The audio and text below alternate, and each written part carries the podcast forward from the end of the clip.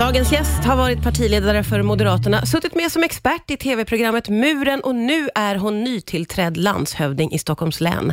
Välkommen Anna Kinberg Batra. Stort tack Martina. Ett axplock var det där av allt du har gjort, för du har en oerhörd eh, karriär. Eh, men får jag börja här, eh, för det här visste inte jag sedan innan. När du var fyra så flyttade din familj till Rotterdam. Mm. Minns du något från de åren? Eh, ja, absolut. Jag började i skolan i Holland, så det var ju jättestort när man är i den åldern. Liksom Verkligen. Hur var de åren då? Bra, jag känner att de var trygga. Och vi var, jag är ganska nära min bror och det tror jag beror på att vi flyttade utomlands då och var ganska små båda två. Ja. Och då har man bara varann i början, för vi fattade inte språket och kände ingen. Och så. Men det gick jättebra. Så ni blev tajta Vi blev supertajta. där, så att Lärde säga? oss ett väldigt konstigt språk. Ja. Eh, Som du lärde dig då? ja. Kan ja. du fortfarande prata? Ja, das kan jag. Det är så här, bara barnspråk. Så. här. Men har du haft användning av det vid något Ja, tillfälle? fast jag var tio år när vi flyttade därifrån. Ja. Och sen så var jag för några år sedan på klassåterträff med mina liksom, första kompisar var ju det, Ja. som jag gick i liksom, småskolan med. Ja. Och det var jättekul och vi kom ihåg varandra och vi kom ihåg, hade gemensamma minnen och sådär. Och sen var det en av dem som berättade att hon hade skilt sig och flyttat och sådär. Och de orden skulle jag väl kunna hitta någonstans i bakhuvudet, men jag har ju aldrig varit vuxen i Holland. Jag kan liksom Nej. inte prata om det med känslor och så. Så då bytte vi till engelska. Gud vad spännande. Mm. Det är otroligt spännande. Får jag fråga, var din plan alltid att du skulle ha en politikerkarriär? Nej, aldrig. Vad hade du för planer när du var ung? När jag var liten, liten ville jag bli veterinär. Ja. Jag tyckte om hästar och hundar och hade ett marsvin. Och längre hade jag nog inte tänkt. Nej. Och så började jag göra det så småningom och började plugga och sådär. Och då ville jag bli journalist Ja, okej. eh, och fick sommarjobb på Svenska Dagbladet. Men då sa redaktören till mig en dag att, men du, du är ju aktiv i ett parti, det här går inte, ungefär så. Ja. Eh, och det hade han ju rätt i.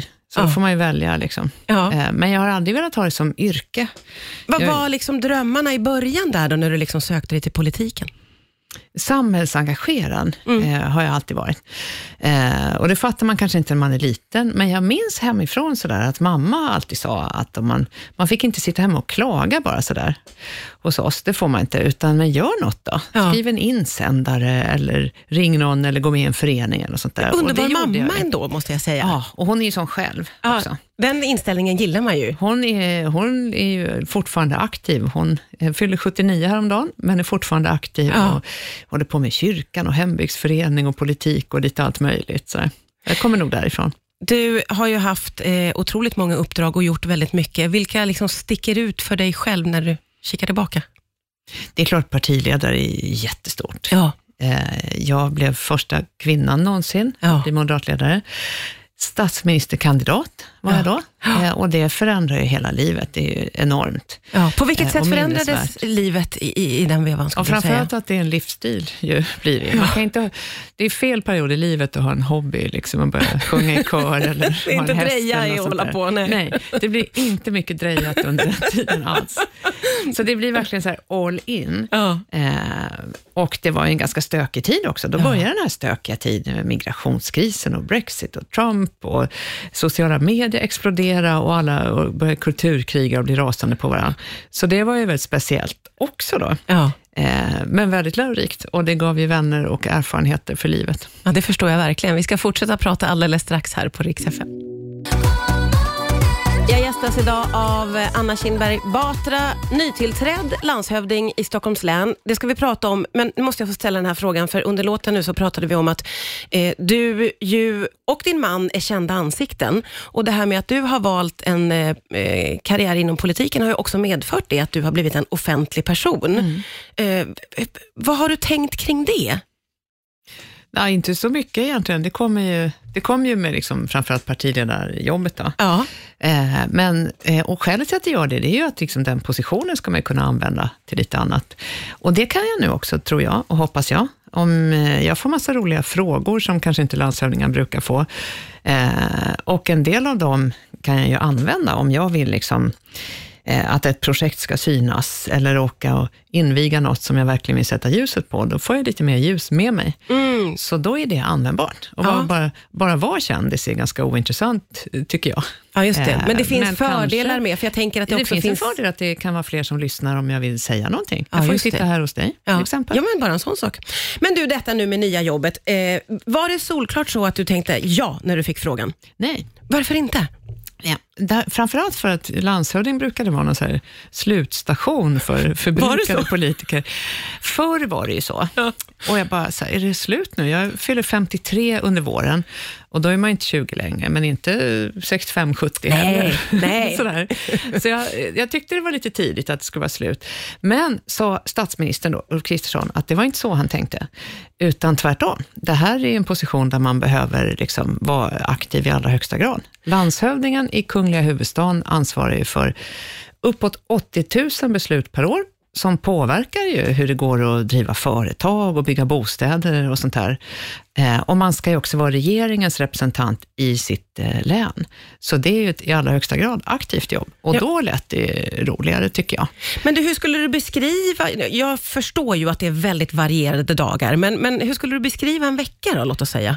Ja, Jag har inte märkt någon normal vecka Nej, än. okej. Eh, Men det finns ju, det finns väl som så här, på många arbetsplatser, det finns ju internt och externt och det finns ju hantera liksom ärenden vart efter de kommer och försöka få igenom det man vill själv. Det där är ju alltid en balans.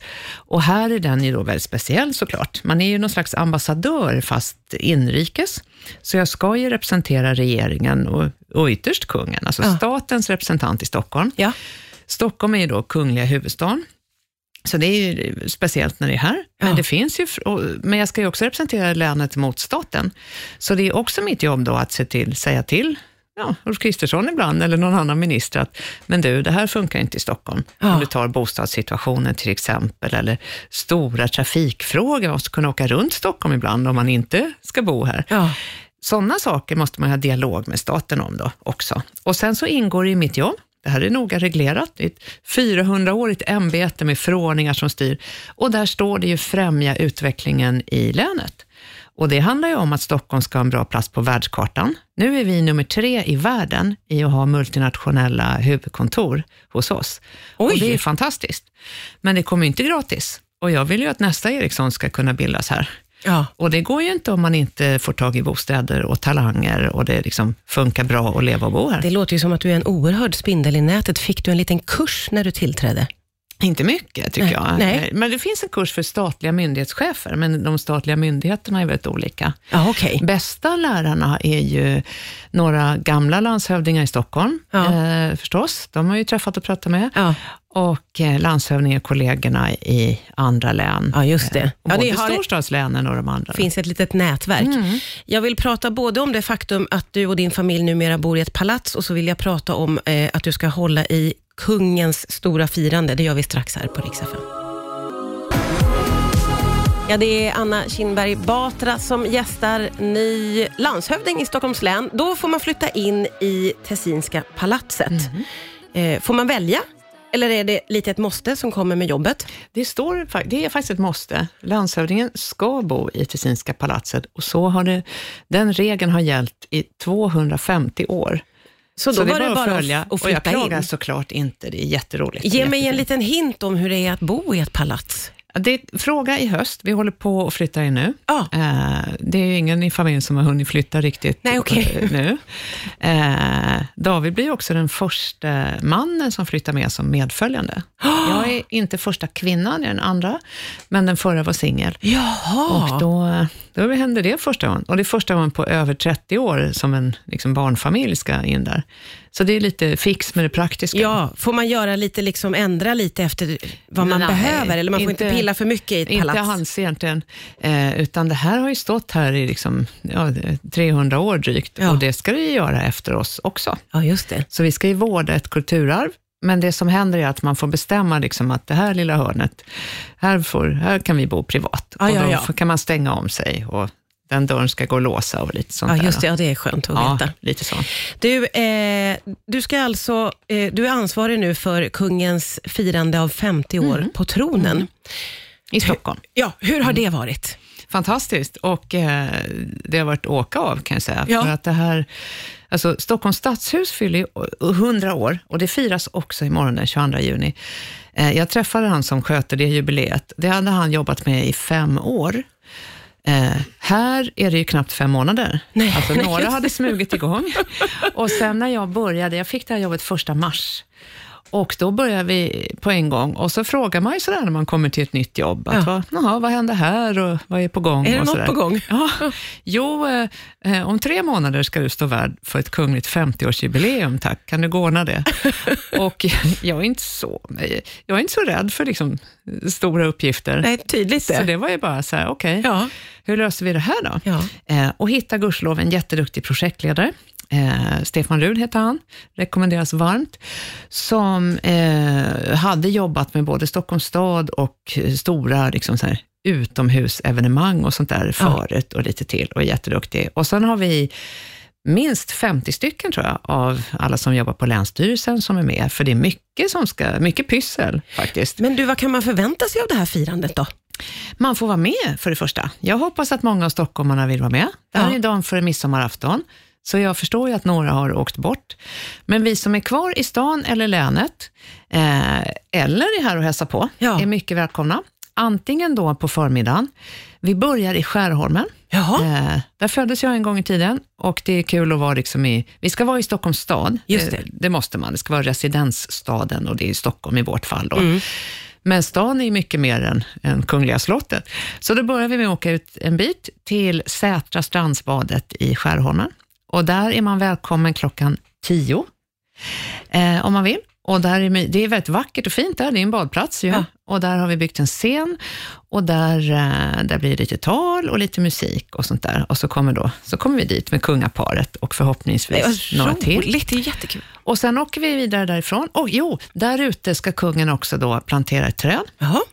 Eh, och sen så ska man då, i alla län där det här firas, för det här firas i alla 21 länen, så ska kungen också då få någon form av, man ska göra någon slags märke eller så, som liksom står kvar efter den här dagen, så man minns att det har varit jubileum. Och då kommer vi, då har vi gjort en eh, skulptur av skrot, eller bett en konstnär då, ska jag säga. Den är väldigt snygg den här. Okej. Göra en skulptur av skrot som de har plockat upp ur Mälaren. Jaha. Och det är mycket skit som ligger Mälaren Ja, tyvärr. ja, ja, ja, ja. Och då får vi visa lite av det och göra konst av det. Och sen så åker vi vidare in till eh, stan, eh, till Kungliga slottet. Det som är speciellt när kungen firar i Stockholms län är ju såklart att han är i hemlänet. Ja, ja, verkligen. Eh, och då han, eh, ja, landshövdingen i Stockholm hänger ju mitt emot Kungliga slottet. Tessinska palatset är döpt efter slottsarkitekten faktiskt, Tessin. Mm. Det är så det hänger ihop. Och där, eh, där står de och byggde en scen nu när jag skulle åka hit. För där ska vi också ha lite kalas och lite fest. Eh, jag ska hålla tal, kungen ska hålla tal och sen så har vi med oss eh, Kattis Ahlström och Niklas Strömstedt och Kiana. Så Oj. det blir lite underhållning Men också. det låter ju och sen det. kan man gå runt där på Slottsbacken och ha lite midsommarmysigt sådär. Gud vad härligt. Känner du dig lite. pirrig inför en sån här? Ja men skoja inte. Det är ju jättestort. Och det händer just imorgon. Man kan inte så här göra massa fel imorgon och Nej, just ångra det. sig. Det är imorgon. Det är direkt, så att säga. Det är, Det är live. live hela dagen Ja, i hela ja. kroppen. Gud, det kommer härligt. pirra i kroppen. Ja, men ett litet pirr brukar ofta vara bra för sådana där dagar faktiskt. Eh, eh, låter fantastiskt. Tack snälla för att du tog dig tid mitt i allt det här och komma till Rix FM. Ja, men tack för att jag fick komma hit.